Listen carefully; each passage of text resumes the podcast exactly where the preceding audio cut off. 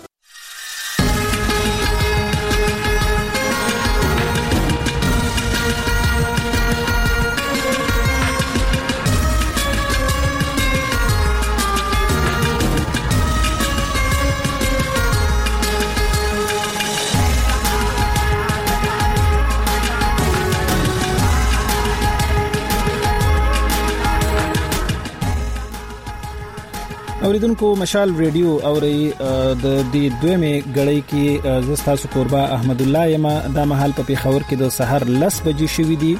د رواني یو ساته خبرونه په لومبۍ نمایي کې بعد امریکا او پاکستان د بارنو چارو وزیرانو ترمنځ شوی ټلیفوني خبرو ترڅنګ د قبایلو پښتونخوا او افغانستان په اړه بیلابیل رپورټونه واوري او د خبرونه په دویمه نمایي کې به 219 پروګرامونه روخانه مستقبل او سازونه زنجیرونه هم در خبرو نو اوریدل یې مه هیروئ خو د دې هرڅ نه وړاندې د دې مهال خبرونو ته غوږ شئ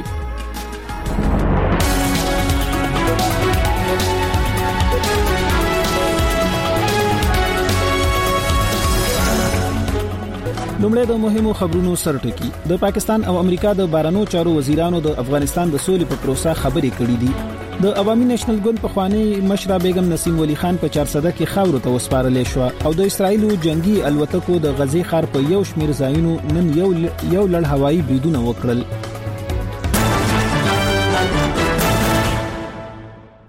د خبرونو تفصيل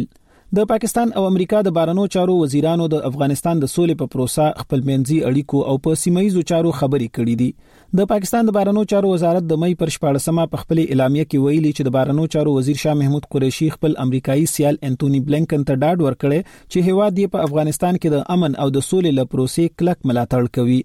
د نوموړي وینا وا چې له افغانستانه د فوزیانو په مسولانه ډول ایستل په تاو تریخوالي کې کمې دایمي اوربند او د ټول شموله سیاسي جوړجاړي د ترلاسه کولو لپاره د شته موقع کارول خورا ارزښت لري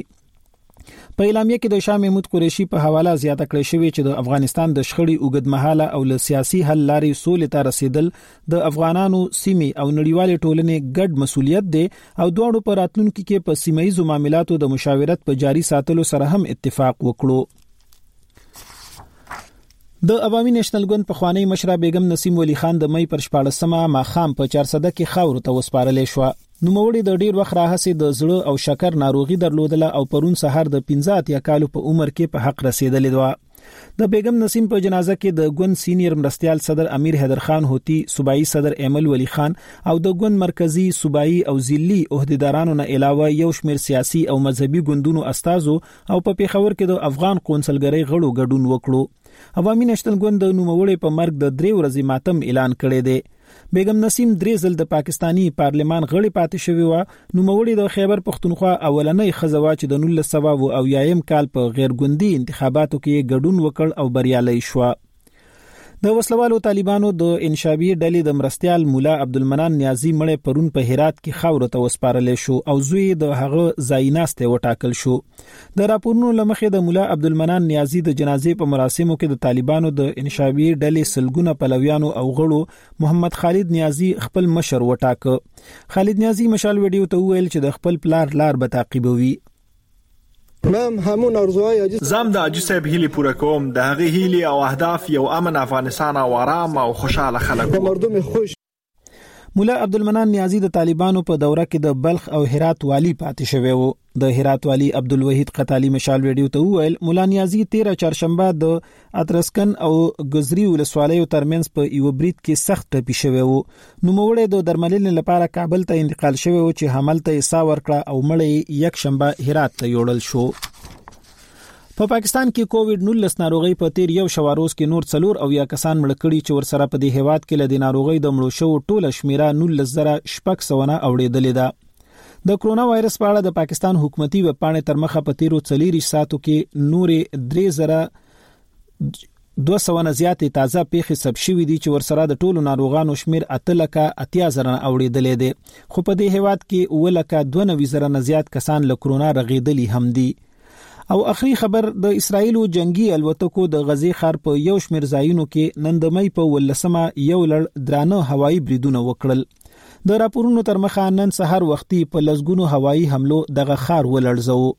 د اسرایل دفاعي ځواک یا آی ډي اف ویلي چې جنگي الوتکې د غزې په تړانګ کې د حماس هدفونه په نخښه کوي اسرایل وزیر اعظم بنیامین نتنیاهو په یو ټلویزیونی وینا کې ویل حمله به پوره په قوت سره جاری ساتي او وخت به ونیسي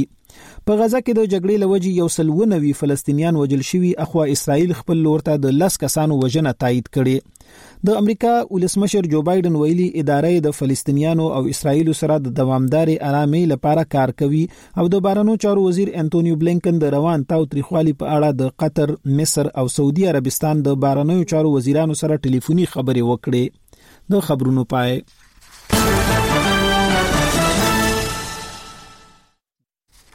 اوریدونکو خبرونه مو د مشال ریډیو نو اوریدل د دې غړې تر پای کرا سره پاتې شوې نو ځنې ریپورتونو ترڅنګ په دوه منمایي کې بعد 2 19 پروګرامونه روخانه مستقبل او سازونه زنجیرونه هم اوریدل شي د دې پروګرامونو او د ځینې ریپورتونو وړاندې زو اسلام آباد ته او لکه څنګه چې مو په خبرونو کې واوریدل چې د پاکستان او امریکا د بارنو چارو وزیرانو د افغانستان د سولې په پروسه باندې خبرې کړې دي د پاکستان د بهرنیو چارو وزارت تر مخه چې پرون د ټلیفوني خبرو دوران شاه محمود قریشي خپل امریکایي سیال انټونی بلینکن ته ډاډ ورکړی چې هوا د افغانستان د سولې له پروسې کلک ملاتړ کوي په دې اړه نور تفصیل له اسلام آباد د خپل همکار طاهر خان صاحب ناخلو چې کم چې را سره دا وخت د ټلیفون په لیکه موجود دی طاهر خان صاحب ستړي مشي درته وایو ډیره مهرباني ستاسو مننه طاهر خان صاحب د دوانو مشرانو ترمنځ نورې څه خبرې شوې دي ګوره اول بزلاټ شما د امریکای د خارجه وزیر انټونی بلینکن چې کوم په خپل باندې په ټوئیټر باندې یو مختصر د پاکستان خارجه وزیر سره د ټلیفوني خبرو په اړه چې کوم ورکړی د نغې یو خبره دا کړې ده چې یو خو خبره د پاکستان خارجه وزیر سره ډېری ګټورې وي او د پاکستان د ترهګرۍ د دهشتګردۍ پر ضد چې کومه وادي دي پاغه باندې خبره شوې ده افغانستان سولې کې همکاري جاري ساتلو باندې خبرې شوې دي او د سیمه د خطه ثبات سلامتیا د حمایت په اړه باندې هم خبرې شوې دي او بیا دا وایي چې پاکستان سره په ګډه باندې راتلونکي کې په د شراکت داري په بنیاد باندې همکارۍ ته او تعلقاتو ته دوام ورکول غواړي دا خو د مختصر خبر دی لکه د پاکستان د خارجه وزارت څخه کومه بیانیه خبره شوې ده هغه کې ځنه ټکو ته اشاره کوم لکه چې هغه مهم نه یو خو پکې د پاکستان خارجه وزیر امریکا سره د شراکتداري وسیل بنیاد او یو جامع هر اړخیز تعلقات او اقتصادي همکاري ته او بیا سیمه ایز چې کوم اتصال دی پروجیکټونه دي په سیمه کې او خورمن جنوبي اسیا دا خبره ورنه شوې ده دلته یو خبره کوم چې د دې د پاکستان او د امریکا د خارجه وزیرانو د خبرو غو بنیادی مقصد د پاکستان لپاره دوه اړخیزه تعلقات دي او دا وخت هم د پاکستان او د امریکا تعلقات نارمل نه دي زما په خیال باندې ځکه چې امنیتي امداد چې په خواني حکومت د امریکا بند کړي وغه اوس پورې بند دي فوجي تعاون او همکاري او تګ راتګ او تربیتي پروګرامونه هغه بند دي د وړاندې په شان اوس کېږي او تګ راتګ هم په خواږه څنګه وو د وزیرانو د نور مهمو شخصیاتو هغه نشته البته یو موضوع د افغانستان چې په هغه د هغه پاړه باندې دواړه هیوادونه اوس هم لکه څنګه چې مازی کې ویل شوی د دواړه یو بل سره لیکن پاکستان غواړي چې د افغانستان سره سره دواړه خیزه نو بیا د افغانستان خبرم شوی د پاکستان په دې بیانیه کې او په بیانیه کې خو خارجه محمود قریشي غزاره خبره کړې چې پاکستان یو پرمن افغانستان غواړي البته دا واره په بیانیه کې د اوربن خبره پاکستان په واضح توګه باندې کړل په افغانستان کې مخکې به د تشدد کمی خبره کوله لیکن دا اول ځل چې زګورم د پاکستان زړه بیانونه دا بیان پاکستان خارجه وزیر اوس په افغانستان کې د اوربند خبره کړې ده چې اوربند ته ضرورت دی اړتیا ده د سیاسي حل لپاره ضرور دی نو دا یو مهم پرمختګ په دې بیانیه کې دی او بل پاکستان یو ځله خبره بکوله اوس بیا واره بیا کړی دا خو لیکن دا واره مختلف انداز اوس پاکستان دا وی چې په افغانستان کې سوله چې دا دا مشترک ذمہواری ده مشترک ذمہواری سره بیا تشریم کړل چې د افغانستان د ډلو د غرنګ د نړیوالو د سیمایزو چې کوم غلو غاړي دي هغه انډیوالان دي په افغانستان کې دغه یو رول دی دا غي ذمہواری ده پاکستان په اړه باندې رسد کې دغه مسله ده چې پاکستان هر وخت داسې یو میسج ورکړي چې د افغانستان هر کار چې دی رسول خبرې طالبانو د امریکا شروع کول کې دادی کړې دي بیا معاهده دي کړې ده بیا بین الافغاني مذاکرات دي شروع کړې دي اوس خلا دا خبره هم کوي چې د افغانانو د افغانستان د حکومت او طالبانو مابین چې کله یو طرز العمل یو اصول جوړېدل بین الافغاني مذاکراتو لپاره په دې کې نه دی راستنه چې دا خبره پاکستان کې بیا په افغانستان کې ډېر امیدوار امیدواري وي د خلکو یو امیدونه وي چې دا دونه کارونه د کړل نو بیا جنگم نه بنځه بیا طالبان هم هغه په دې نو بار خو ملاقات شوه دی او د وخت ضرورت مو د ملاقات او د دواړو غاړو چې کوم بیانونه راغلي هغه ډېر مثبت دي ډیره مننه طاهر خان صاحب د وخت راکولنه او د معلوماتو نه اوریدونکو طاهر خان وو د اسلام آباد نه زمنګ سره پلاین وو خبره متاسو اوریدل چې د پاکستان او د امریکا د بارنو چارو وزیرانو د افغانستان د سولې په پروسه او دینه علاوه په ځینو نورو موضوعاتو چې کوم خبرې کړې وي نو دا غي په اړه معلومات درکول دا مشال تر څنګ اوسه دا سحر لنه هو دا ما خام تر شپګو مشال ریډیو اوري زو 400 ته د عوامي نېشنل ګوند په خوانی مشره بیگم نسیم ولی خان د مې پر 14مه ماخام په 400 کې خاور ته وسپارل شو نو موري د ډیر وخت راهسي د زړه او شکر ناروغي درلوده او پرون سهار د 15 ویا اتیا کالو په عمر کې په حق رسیدلی و د نوموړي په جنازه کې د عوامي نېشنل ګوند مرکزی صوبایي او ضلعي عہدیدارانو نه علاوه یو شمېر سیاسي او مذهبي ګوندونو استادو هم ګډون وکړ عوامي نېشنل ګوند د نوموړي په مرګ د درې ورځنی ماتم اعلان کړی دی د بیگم نسیم د جنازې په اړه نور تفصیل شبیر احمد جان په ریپورت کې د عوامي نېشنل ګوند بنیاد اېښودونکي ارواښاد خان عبدالولي خان کورودانې بېګم نسیم ولي خان پرون ماښام ولي باغ چارسده کې خاورو ته وسپارل شوه. هغوی د ډېره وخته راهسې د زړه او شوګر ناروغۍ ښکار وو او پرون د اتوار په سهار د پنځه اتیا کالو عمر کې حق رسېدلی وه. د دوی په جنازه کې د ګوند سینیر نایب صدر امیر حیدر خان هوتي، جنرل سېکرټري میر افتخار حسین شاه، صوبايي صدر ایمل ولي خان، د ګوند ګڼ شمېر مرکزي، صوبايي او ضلعي عهدېداران نه علاوه د مسلم ليګ نون، پاکستان تحريک انصاف، جمعيت علماء اسلام فې، پېښور کې د افغان قونسلګرۍ استازو، د صوبې چيف سېکرټري، د وزيرستان نه د قومي اسمبلۍ غړی محسن داوړ او د ژوند هر ميدان سره تړاو لرونکو په غټ شمېر کې ګډون وکړو. د دوی جنازه د چارسدې دیني عالم مولانا محسن صاحب حق صاحب ولي باغ کې پرون شپږ بجې وکړه او همدغلته د خپل خاوند خان عبدالولي خان او د خپل زوی سنګین ولي خان په خوا کې ښخه کړی شوه. ولي باغ چارسده کې د پرونه راسې د بېلابېلو سیاسي ګوندونو مشرانو،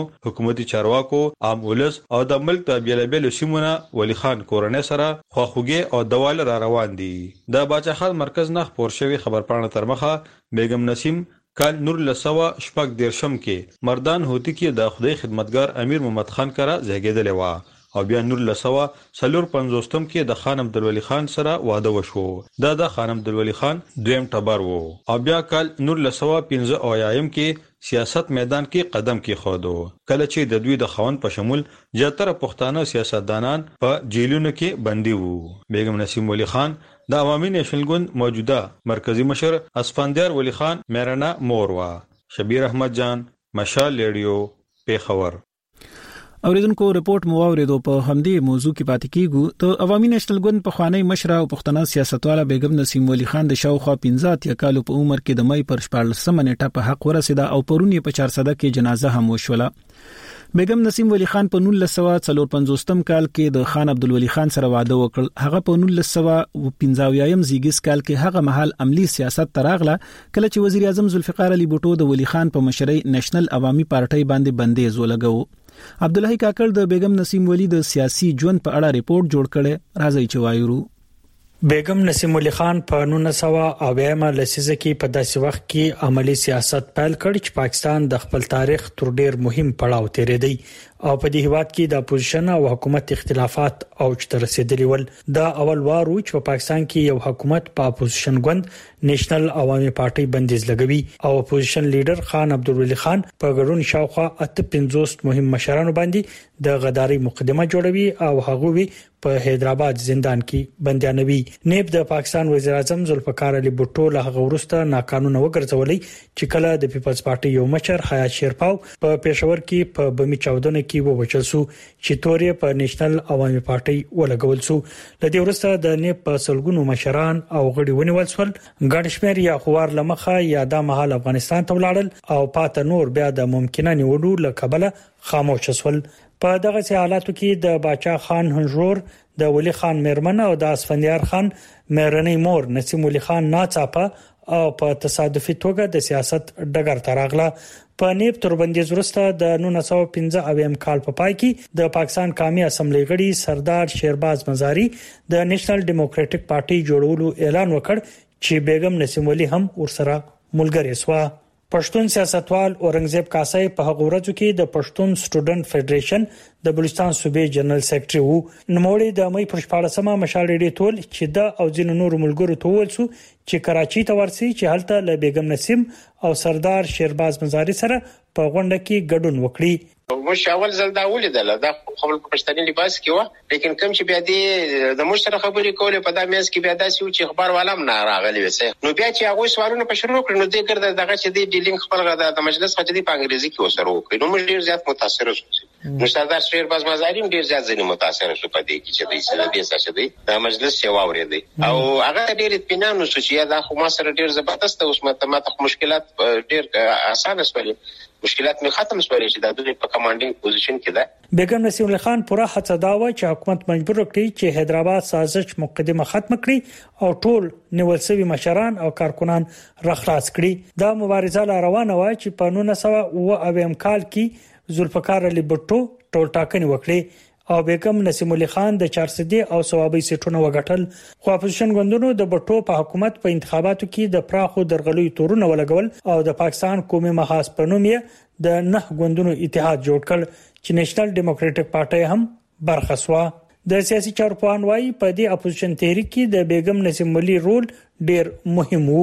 د پټو اپوزیشن ترمنځ مذاکرات وسول چې پکې د نورو خبرو ترڅنګ د نېشنل ډیموکراټیک پارټي هغه غوښتنه هم شامل و چې حیدرآباد ټربیونل دی ختم سي او ولي خان او نور کسان دي خوشي سي اورنګزیب کاسي وایي د په اسلام آباد کې په هغه غونډه کې وو چې د اپوزیشن اتحاد یو مشر مولانا مفتی محمود پکې خبري وکړي بیا چې دی شردا شیرباز مزاری چې میټینګ را وغوښته دغه د مفتی محمود نو دا مجلس کې شوی چې زه خو سار د وکښتم بټو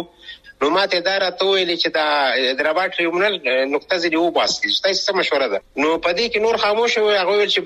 د سردار شیرباز مزاری او بیگم نسیم ولي خان دی په دې مجلس کې اور تر ټیک دی که تاسو دا وایي چې دا نوري مسلې چې د حل کېدل د زموږ لپاره دا مسله به خپل ځان ته ډېر اهمیت لري نو دا چې دی که تاسو اګریمنټ سره کوی ان ډي پی په پی ان ای کې نه بیا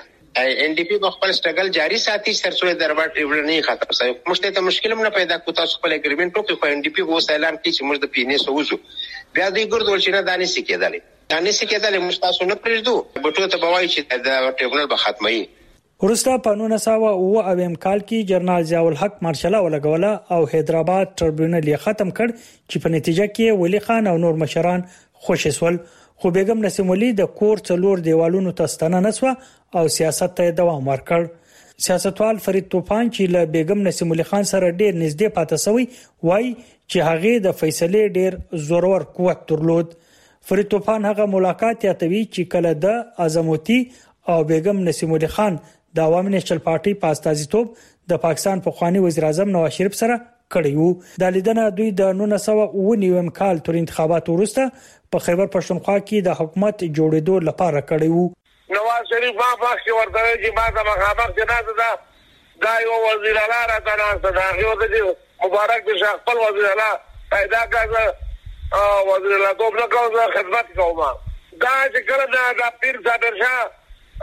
وزیر اعلی کیدل کنه هغه وخت کې زمونږ تیز دین مانانو ته دوی پس راو زمونږ دا حق کې ده کنه په هغه باندې وړي خان ورته وایي چې دا کار چې دا چې مانان دې پوره نه وي وزیر اعلی توب ونه کې موږ د وان سره سره ملاقات ته روان وو او حکومت جوړولو لپاره او ممبران زمونږ زیاتو ځکه چې بیبي ورته وایي چې مبارک شه تاسو ځړای وزیر اعلی کرا ته پښتو وایي بیګم نسیم الخان په ګوند کې د آیرن لیډي یعنی پولادي شزي په توګه مشهور و ځکه چې هغه په مزاج کې ډیره سخت و د عوام نشل ګوند د مرکزی مجلس عاملی غړی انجنیر اعجاز یوسفزی وایي چې دا په تنظیمي نازنو ضبط کې ډیره سخت و دی به بالکل په تنظیمي معاملاتو باندې کمپرومایز نه دا په هغې کې ډېره ډېره سخته وه، ډېر نامتو خلک به وو، مشران د پارټۍ، خو هغوی نه که د ډسپلین یا د تنظیم خلاف ورزي به وشوه نو بي بي به په هغې کې ډېره زیاته سختګیره وه، په دې وجه دا په آیرن لیډي باندې مشهوره وه په پارټۍ کې او خلک حقیقت دا دی چې دا به په کوم دغه کې وه په یوه غونډه کې به ناسته وه نو هغې کې به ډېر یو ډسپلین او ډېر زیات او د تنظیم مظاهره به کېده. او بیا یو وخت داسې هم راغلی چې په دوه زره شپږم کال کې عوامي نېشنل ګوند د اختلافاتو ښکار شو او همدغه آیرن لیډي یعنې پولادي ښځه د خپل زوی اسفندیار ولي خان په مشرۍ مرکزي مجلس عملې له ګونده وایستله. په دوه زره دیارلسم کال کې بیګم نسیم د عوامي نېشنل پارټۍ ولي په نوم ګوند اعلان کړ خو په دوه زره اوولسم کال کې یې له اسفندیار ولي خان سره روغه وشوه او ګوند یې په عوامي نسو پارټي کې زم کړ ل 2 میلیونو نه زیات خلکو د مشال رادیو فیسبوک پاڼه خوښه کړې ده زرګونه نور مو پر ټوئیټر تعقیبوي او د ورځې له تازه خبرونو روانو چارو او مهمو پیښو ځان خبروي تاسو مو هم بدرګه کړئ پته مو ده facebook.com/mashalradio twitter.com/mashalradio instagram/mashalradio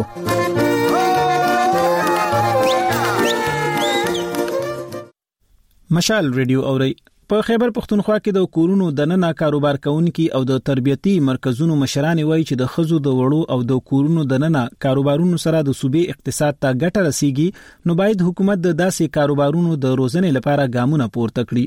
دوی زیاتوي چې د کور د ننه کاروبار سره مالی ستونزې هواریږي او خپل صلاحیتونه هم په کار راولي بلخو صوبایي حکومت وايي د خزو د وړو یا د کور د ننه کاروبارونو لپاره د روزنې پروګرامونو ترڅنګ د قرضو ورکولو منصوبې هم پیل کړې دي تفصیل د انیسا اجمل نه اورو. په خیبر پښتونخوا کې په کورونو کې کاروبار کوونکې ښځې غوښتنه کوي چې حکومت دې ورسره د روزګار پر مخ وړلو کې مرسته وکړي. د سوات اوسېدونکې بېګم چې د بنینونو او جامو ګنډلو کار کوي، د مې په شپاړسمه یې مشال راډیو ته وویل چې بغیر د سرکاري او غیر سرکاري ادارو په مرسته خپل روزګار کوي او د مالي ستونزو له وجې نه شي کولی چې نور ماشینونه واخلي او ځان له سنټر جوړ کړي.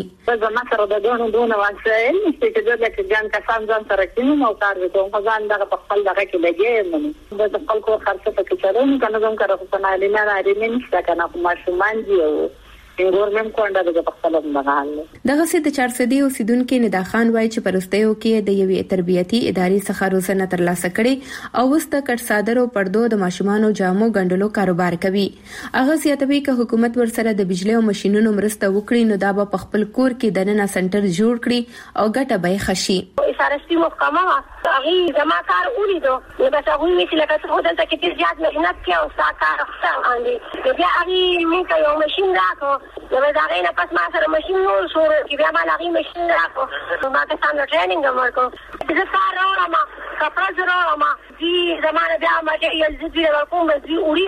او کورونو کې پې کار کوي او ګنډل زیات کړ بیا ما نه راوړي چې دلته کې ما سره ماشینونه او هر یو شي موجود او د بجې بندوبست د کومه ما سره دلته کې په یو سنټر کې کار کوو او زما خو په شکر دی د کور خرچه زما سره چې ما سره کومې چې لکه تاسې هغې هم څخه لکه زیات تر ما سره داسې ښځې چې هغه پوندې دي که نه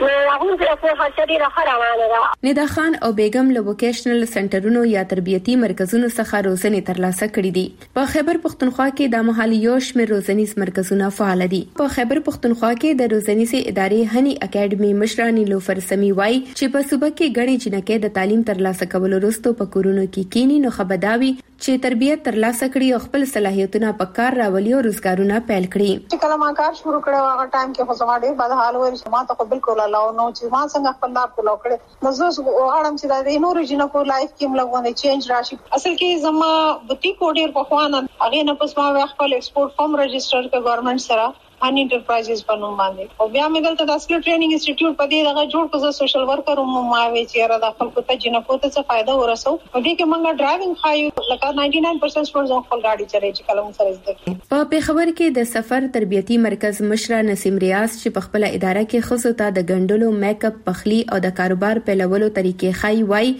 چې په صوبه کې د ښځو له روزګار سره نه یوازې د کورنۍ مالي مسئلې هوارېږي، بلکې د صوبې اقتصاد ته ترې هم ګټه رسېږي. هغه زیاتوي، د صوبې د ابادۍ په مقابله کې د ښځو روزنیز مرکزونه ډېر کم دي، نو باید حکومت دې اړخ ته پام وکړي. حکومت له خو پکار دي، کافي خو څه نه دي، چې کومې ګورنمنټ سلای سنټرې وې، نو هغې کې هم لګیا دي، څه دولس خو یې بندې کړې ګورنمنټ او نورو پسې هم لکه لګیا دي بندوي یې، ځکه چې کې پي ګورنمنټ وایي چې یاره دوی نه موږ له څه فایده نشته دی، که نه؟ نو فاینانشلی فایده خو لکه ددی خو مطلب دادی چی ښځی امپاور شی چی کله ښځی امپاور شی نو بیا به اټومیټکلی فایده به چی دی نو ملک ته رسیږی کنه نو زه خو چی څومره این جی اوز سره کار کوم او نو څومره ښځی چی مونږ ټرین کوو نو الحمدالله هغه یی په بره په مخ باندی روانی دی. بلخوا د خیبر پښتونخوا د صنعت او تجارت ځانګړي سلاکار عبدالکریم خان مشال راډیو ته وویل چې موجوده حکومت د روزګار لپاره د قرضو ورکولو په موخه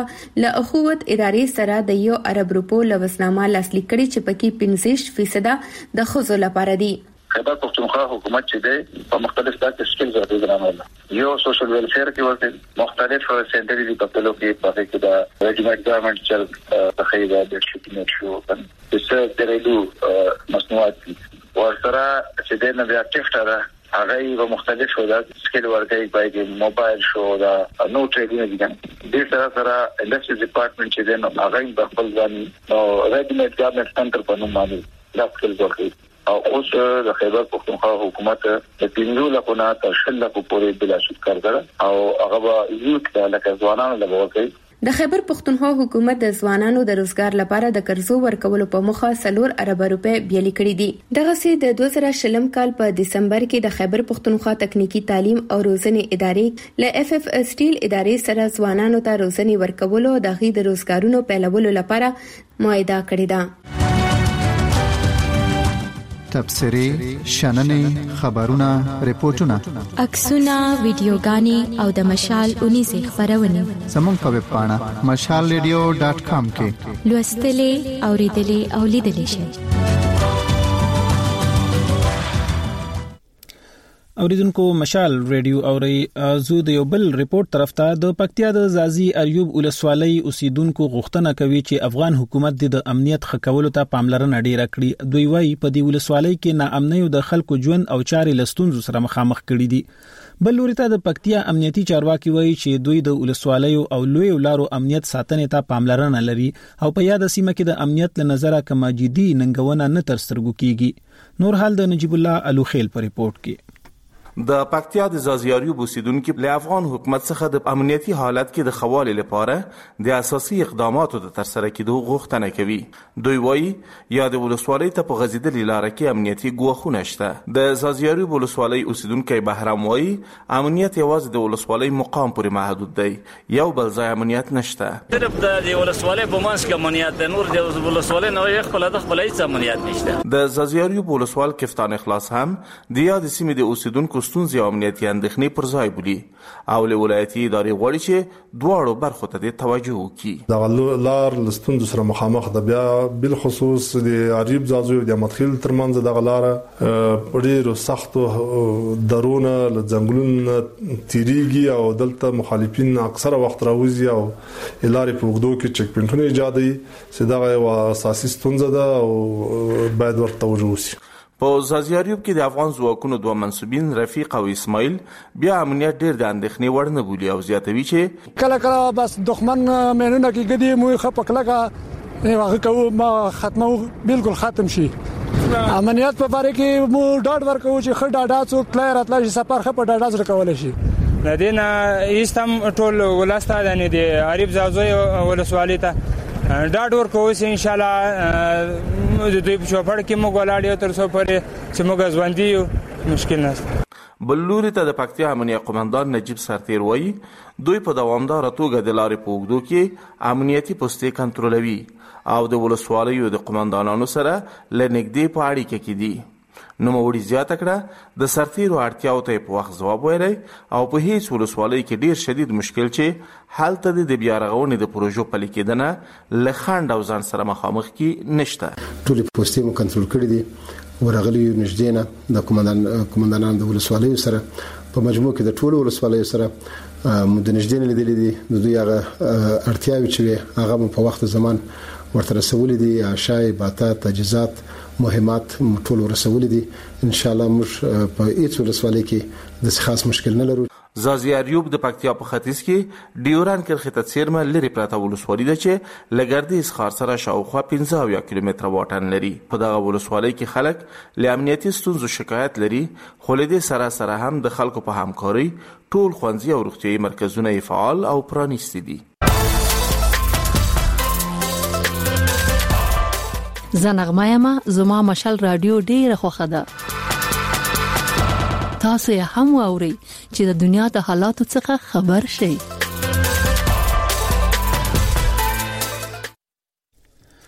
اوریدونکو مشال ریډیو اوري په پیښور کې د سحر لسنیمه بجې شوې دي د مهمو خبرونو لنډیز واوري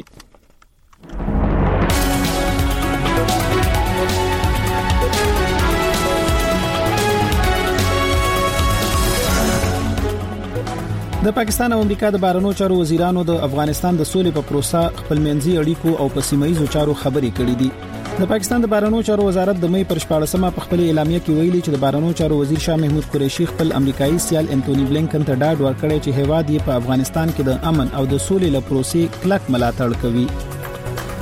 د عوامي نېشنل ګوند په خوانی مشره بیگم نسیم ولی خان د مې پر 14مه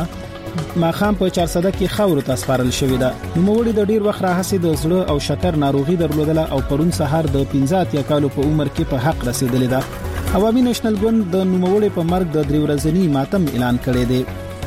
د وسلوالو طالبانو د انشاوی ډلې د مرستيال مولا عبدالمنان نیازی مړ پرون په هرات کې خاور ته وسپارل شو او زوی د هغه ځایناسته وټاکل شو مولا عبدالمنان نیازی د طالبانو په دوره کې د بلخ او هرات والی پاتې شوی وو د هرات والی عبدالوحید قتالی مشال رادیو ته وویل مولا نیازی 13 چهارشنبه د ادرسکن او د ګزری ولسوالیو ترمنځ په یو برید کې سخت ټپي شوی وو نو موړ د درملنې لپاره کابل ته انتقال شوی وو چې حمل ته یې سا ورکړه او مړ یې یک شنبه هرات ته یوړل شو په پاکستان کې کووډ 19 ناروغي په تیر یو شواروز کې نور څلور او یا کسان مړ کړي چې ورسره په دې هواد کې له ناروغي د مړو شو ټوله شمیره 19600 نه واوړېدله د کرونا وایرس په اړه د پاکستان حکومتي ویب پاڼې تر مخه په تیرو 40 ساعتو کې نورې 3200 نه زیاتې تازه پیښې ثبت شوې چې ورسره د ټولو ناروغانو شمیره اتلکه اتیا سره نه وړېدلې ده خو په دې هیواد کې ولکه 92 زره نه زیات کسان له کرونا رغېدلي هم دي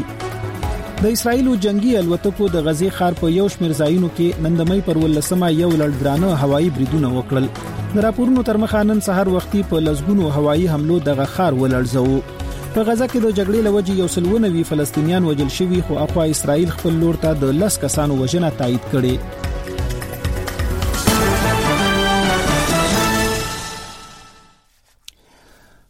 لند خبرونه مو د مشال ریډیو نو اوریدل د ژمنې سره سم اوس وخت شوه دی د دې غړې د لومبي 19 پروګرام روخانه مستقبل د دې پروګرام قربا منور شاده نورازي چوایورو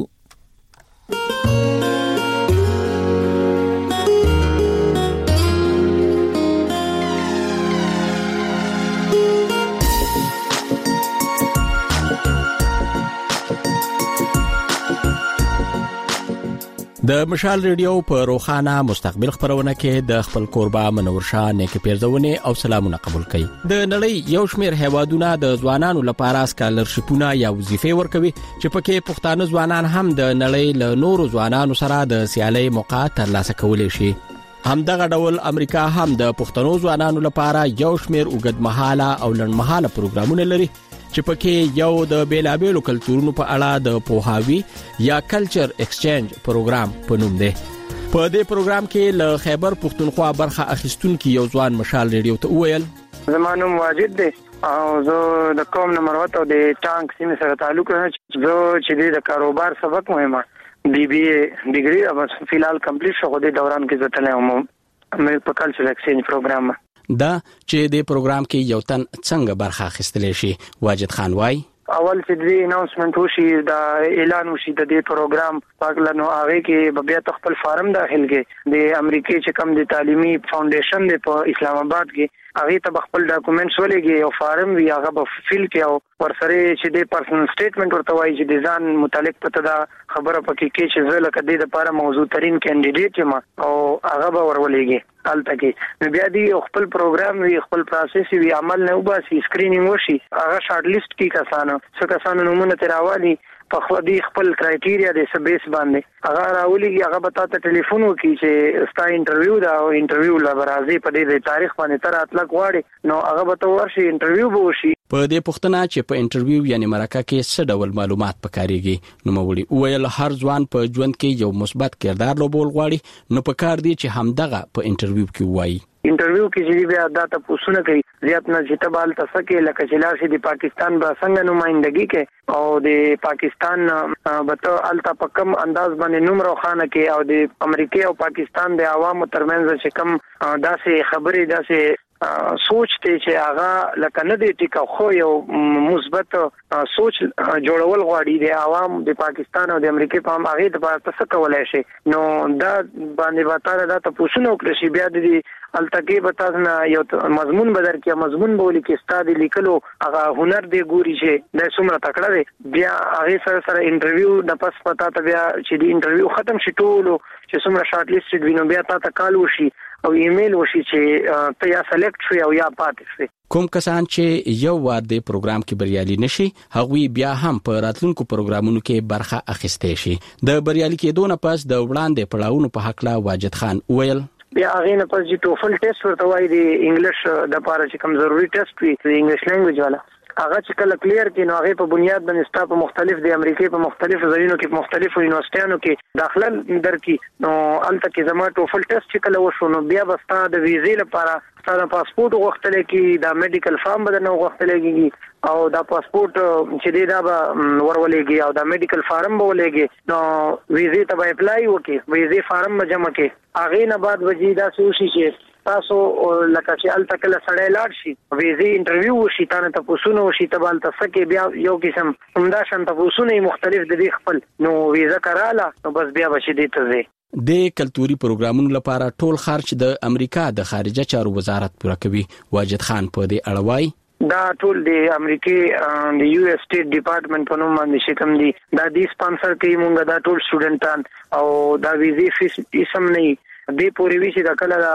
انټرویو له هم تزینو هغه هم ستا ته یو خاص مقدار پیسې ملاویږي د ویزې انټرویو له دې نه مخکې به ته په خپل خرچ ځې نو د ویزې انټرویو نه بعد بیا ستا ټیکټ هم هغوی د لو کړي بیا هلته په واشنګټن کې درې ورځې پروګرام وي هغه اورینټیشن وي چې دلته لکه راغی د عوامو د امریکې عوامو د خلکو څه سوچ دی هغې سره به تاسو څنګه یو رابطه ساتئ څنګه به سره یعنی څه دی دو ښه خوبۍ دي څه بد دي په کوم باندې خپه کېږي په کوم نه آداب درته بیان کړي هغې نه پس به بیا تا خپل خپل انوسټنټ ته ولېږي انوسټۍ فیس هم دوی ورکړی هلته به تاته د جیب خرچه مېلاوېږي د میاشتې درې سوه ډالر موږ ته به مېلاوېدل اوس زما په خیال دې کال یې لږ نور هم زیات کړي دي ملګري وايي نو دا ملاویږي چي کتابونو د پاره تاله بیل څلور نیم سوه ډالر چي دی هغه درکړي که او روټۍ روټۍ هر څه چي دی هغه کیفیټیریا نه ملاویږي عام فري ستا هر څه فري وي د واپسي ټیکټ هم چي دی هغه تی تاسو له کړي واپس په دی مطلب خپل اسلام اباد لاهور یا کراچي ته راولي. زیاتره پښتانه ځوانان فکر کوي چې دغه پروګرامونو کې برخه اخیستل ډیر ګران کار دی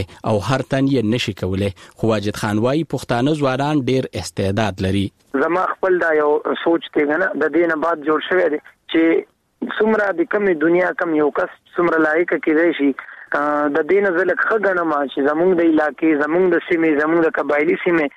زمونږ د پښتنو سیمې دا چې د دا یو زفخر کوم په دې خبره باندې چې الحمدلله دلته چې دی دنیا یو داسې عیسی چې هغه د ټول داسې مازغو ولا خلک دي چې هغه انتهایی جینیس دي ډیر تکړه دي او سمجدارې وي نو بلکل یې کولای شي ځکه چې زه په خپله یو عام د کلي سکول نه تللی وم او ما څه نه وو لیدلي په بنو کې مې کالج ویلی وو زه په خپله دا ګڼم چې دا ان شاء الله چې دی هر یو کس تلای شي او هر یو کس په دې کې چې دی انکریجمنټ وشي او دا چې دی فارمونه جمع کړي نو زه وایم چې زه یې پاس کولای شم نو ان شاء الله چې دی زموږ د سیمې د هر یو کس یې پاس کولای شي او ټول ښه تکړه دي دا وو واجد خان چې امریکا ته د کلچر ایکسچینج پروګرام د لارې تعلیم لپاره تللی وو هم په دې موضوع د روخانه مستقبل پروګرام نور برخه به د یوې لاندې د مینه پاس فوري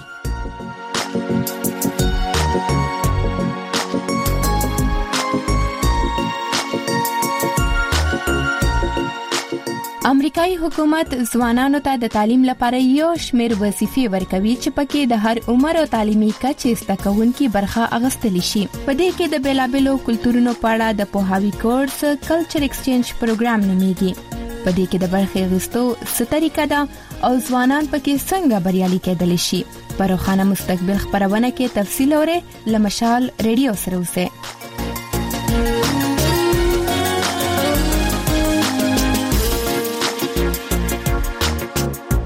د کورم ایجنسی جاسمین فاطمه په دې پروګرام کې امریکا ته د زده کړو لپاره تللې و وای زیاتره خلک چې د لپاره یې حسن نوي کړي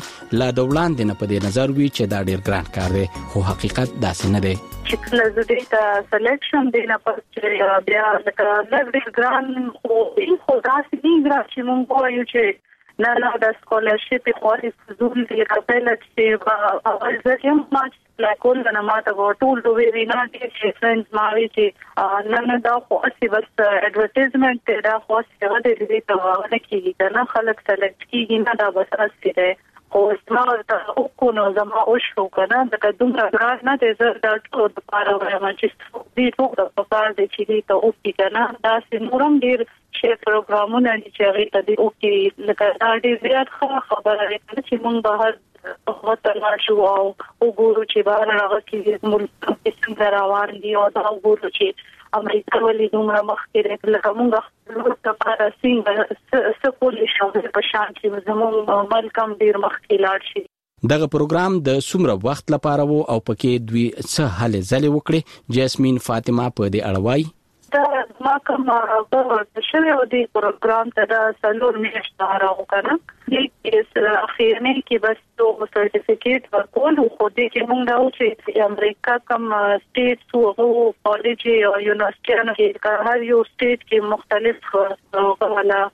پاکستان والا ماشومان یا ټول یو او موږ بل ته بس د یونیورسيټي کې او کالجز کې سبق هم وي او سره سره د خپل چې کمیونټي سرویسز کې هم موږ حصہ غوښتله جاسمین فاطمه وايي امریکایي خلک د ولسی خیر خېګړې لپاره د پیسو نه بغیر یعنی پر رضاکارانه توګه هم د معاشرې څنګه خدمت کوي نو موري د امریکایي نظام تعلیم په حق لوي لکه ډیر زیات داسې فرق نشته مکه شان ایجوکیشن دن تم دی ال تم دی خو ال ته بس د شان دا وی چې فریډم زیات دی کنه لکه دا چې نه چې مونږ ټیچران او دلته یا تا ته باندې نور لري دا او کا او کا ال ته داسې غني دا هر چا ته فریډم دی او هر چا سره احساس چې مونږ کوم ډیوټي دی او ډیوټي پورا وسره وکړو نو دی وجه ته لکه دا پروسه هغه ډیر زیات دوستان او کشرانو کې لکه موږ اکثر چې انده لاړو نو انده موږ د امریکای ولا کم پروفیسورانو غوړي ډیر خوښ شو کنه هغه وی چې لکه د پاکستان نه چې کم خلک راځي هغه ډیر مهنتي خلک دي کنه بس دا هغه شی مهنت دي د دې یو شان کوم کوي نو دا څه فرق نشته هر ځای کې یو شان هغه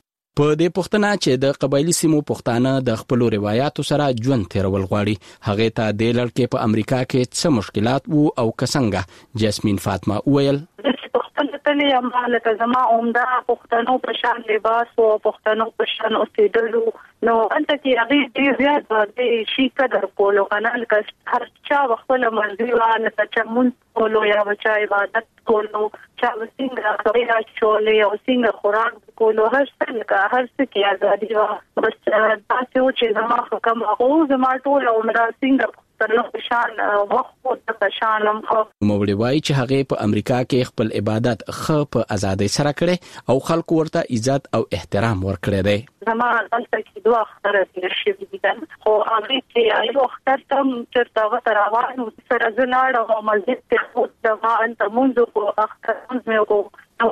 خبره ده چې ما بل خپل مونږ کولو دې پاره چې هغه به ماته وی خپل کوم ملک ته هغه په باره مونږ ته وایي او خپل سیمه روایت دي کنه دا ودونه سیمه روایت دي سره کال سره دي شي ډیر زیات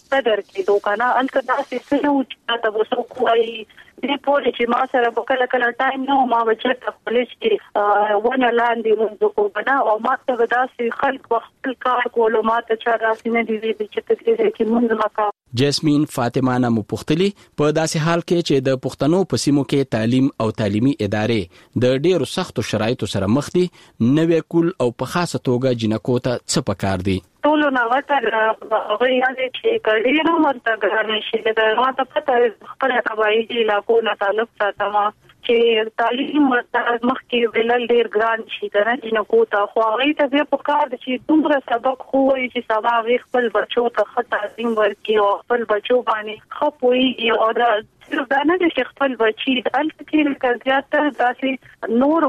سره چې کوم تعلقات وی هغه وی خصاتی او زیات تر کوشش کوي چې د ګریجویشن پورې سبق خته دی او ای او نور دا چې خلک خپل فیملی چې کوم خاندانونه وی هغه سره پورا هر هغه کې مددګار ثابت شي او کدی دا یې زړه نه وبسي چې مونږ یا بهر تللی نشو مونږ د اډوکیشن په هر لري نه شو مور پلان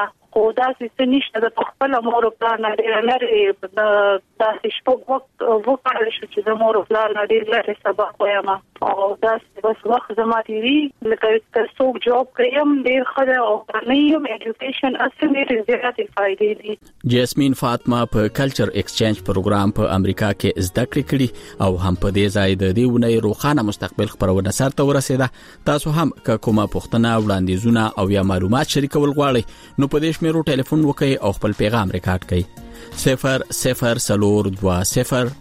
2 2 یو یو 2 سلور یو 2 یو او اوس خپل کوربه منور شاته اجازه ورکړئ خاد او آباد اوسئ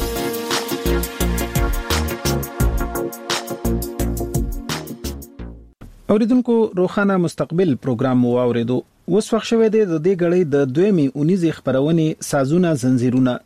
د نن په خپرونه کې د مردان په عبدالولي خان پوهنتون کې د پښتونخوا کالج آف آرټس اینډ کلچر د مشر او کلتور د کارپوه اف ایس دراني سره د موسیقۍ سره د تړلي اثاثې په اهمیت او د هغې په خوندي کولو خبرې شوي دي.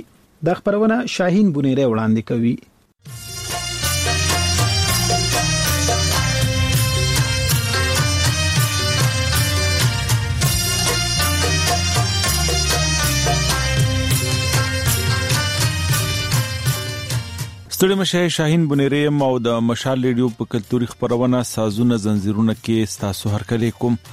په دې خبرونه کې مونږ په پښتونخوا کې په موسیقۍ د بندیزونو اوګدې لړۍ ته کتنه کوو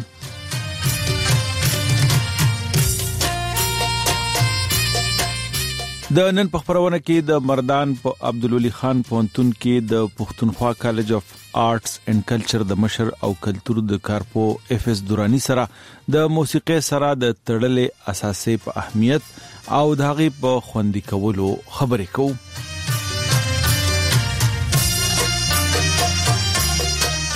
اوردونکو په سیمه کې د سختدریزه او ترهګرۍ د چپونو وړاندې کې یو خو د موسیقۍ د زده کړو غیر رسمي مرکزونه موجودو نو بل خو د موسیقۍ د دکانونو یو لوی نتورک هم چرته چې د پخوانیو سندرو ریکارډونه موجودو د ټکنالوژۍ د راتګ سره دغه کاروبار نور هم اغیزمن شو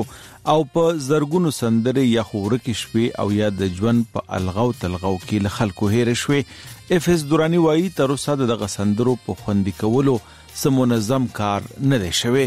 زمون سره چې دینو د کلیات د شي په خور کې تیم بیټ وغیرہ دا میوزیک سنټر دی نو په دې میوزیک سنټر کې چې دینو سلیکټډ کلیکشن مو پروتو نو اوس چې زما څه اندازه ده نو په ریډیو ریډیو سټیشن کې په خور ریډیو سټیشن کې او کمردان او نورو کې چرته داسي نو انت کلیکشن پروت ته باقي ریزرویشن خو د میوزیک بالکل نشته میوزیک لایبرری نشته په ټول خیر ټول پاتې چې میوزیک لایبرری نشته نو ریزرویشن هم نشته بیا چې دینو لا چا په کاروم نه کړي ماحول سره ډیره جوړه غونډه جوړ شوې ده مونږ په خپل چې دینو پښتونخوا کله جواز مردان کې مونږ د میوزیک کورس اپلو کړی دی خو څوک به ترې لکه داخله پکې نه کیږي کنه او داخله پکې په دې نه کیږي چې موږ اناونس کوو نه انسټیټیوټس او اورګنایزیشنز چې هغه وته غاړي نه دي نو زموږ نه خصوصونه روان دي ځای کېږي نه نه هېریږي نه نه اوس خو هیئت هم بدل شو دا ماډرن میوزیک د علاقان چې کوم راغلي دي جنکه راغلي دي ښه کار کوي میوزیک کې نوې نوې سیزونه کوي خو دا هغه هغه فولکلوریک حیثیت ختم کوي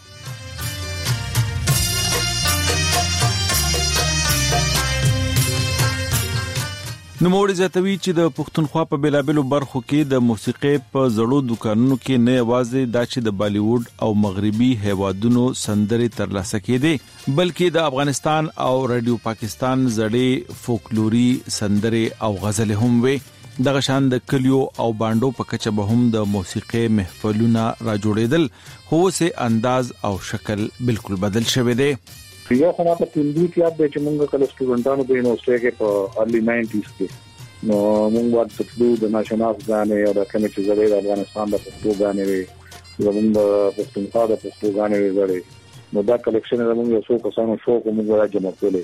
یو په صدر کې د تخته جومات سره یو دوکان و. بیا دا چې د مردان اډې سره که دې یاد شي، نو د مردان اډې سره ډېر زیات دوکانونه وو، هغه ټول اوس د سبتو او د کباب دوکانونه دي. هلته به هر څه ملاوېدل، د ګلان نار بېګم زړې سندرې، د خیال محمد زړې سندرې، دا ټولې چې دي، دا به موږ هلته کلېکټ کولې او کېسټو کې به ډېر ښکلی کلېکشن کېده. هغه چا ترانسفر نه کړی سی ډي ستا هغه ته نو هغه موږ نورو ورو ختم شو بیا په دې کلو کې زه تانه یم نو په دې کلو کې بچی دې نه په ودونو کې به خلکو سندري وي هغه څه ډېر عجیب عجیب سندري وي چې موږ ته چرته دا غي هغه سٹارټ هغه دوا مصرې ملو چې غنور راته ملو نشي د خلکو ته زبانی یاد وي سندرې د خلکو په زباني وې په دې ودونو کې به وي پروګرامونه به کېدل سینا بسینا هغه سيزونه روانو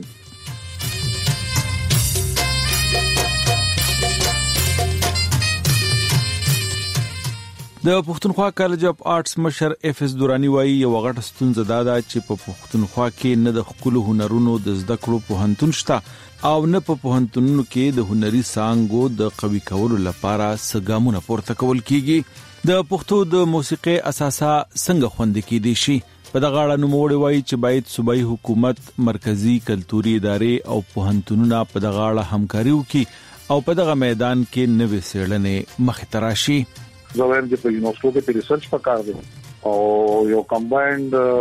میوزیک لایبرری پکار دی چې هغه په غټه توګه باندې وشي په دې کې بیا د ټول نه زیات کار چې کوم کولی شي هغه زمونږ آرټ انسټیټیوټ یا کلچر انسټیټیوټ کولی شي زمونږ آرټ کلچر انسټیټیوټ په ټول خیبر پښتونخوا کې آرټ اند کلچر یونیورسيټي شته نه دی ونده په پرایویټ سېکټر کې په پاکستان کې دی ایم سی ای دا او بیا په پرایویټ سېکټر کې دی نو زمونږ په ټول ملک یو یا دوه دي په خیبر پښتونخوا کې آرټ اینډ کلچر انسټیټیوټ یا یونیورسټي شته نه چې هغه ډیګ ریوارډ وي او هلته کې دا مختلف ځایونه دي چې نه صرف میوزیک ډیولپ کیږي پروډوس کیږي بلکې پرزرو کیږي دویم دا چې زمونږ آرټ انسټیټیوټ سری نو د آرټ او د کلچر د دې خو ډیر زیات مختلف جهتونه دي مختلف سپیشلایزیشن دي نو موږ د یونیورسيټي او عام ډپارټمنټ یو نو زموږ سره فنډز دي چې موږ د پرزنټیشن او د ریسرچ کار وکړو یو په هزاره یونیورسيټي کې دی هغه ډپارټمنټ ته په پیښور یونیورسيټي کې ډپارټمنټ ته په مردان کې عبدالوی خان یونیورسيټي کې کالج دی آرټس کالج دی په صوابه وومن یونیورسيټي کې ډپارټمنټ ته پیښور وومن یونیورسيټي کې دی دا پنځه ډپارټمنټ چې دا په پبلک سېکټر کې دي باقي په پرایویټ یونیورسيټو کې په سټي یونیورسيټي کې شته او آی ټین چې په باسین یا په اکرا کې هم دی ټوټل د لسو نه کم دي په ټولو صوبه کې په دې کې صرف په هزاره کې او په مردان کې د میوزیک کورسونه اپروو شوي دي او په مردان کې زموږ پلان دا دی چې دا کووډ ختم شي نو دینه پس موږ شارټ کورس شروع کړو باقي په نورو کې د میوزیک پروګرامونه نشته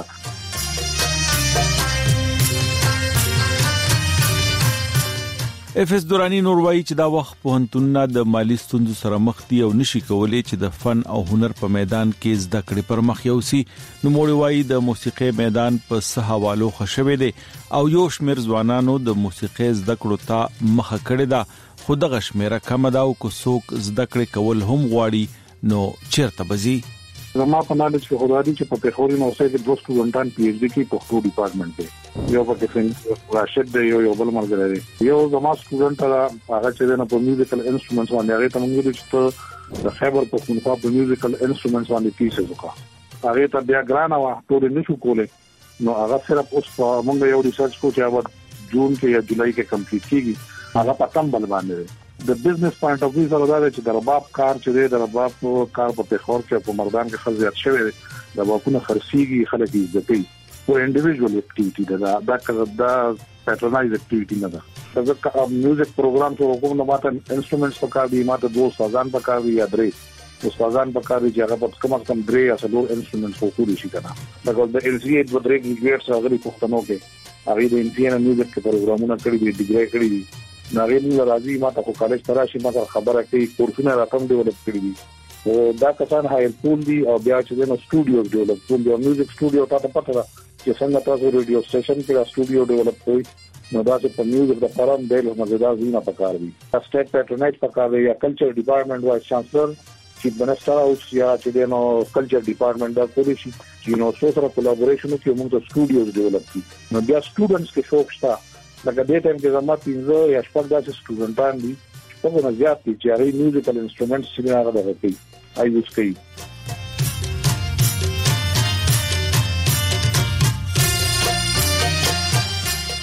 اوردونکو دا و زمونږ د نن خبرونه را روانو ونه با په ورته موضوع د نور معلوماتو سره راځو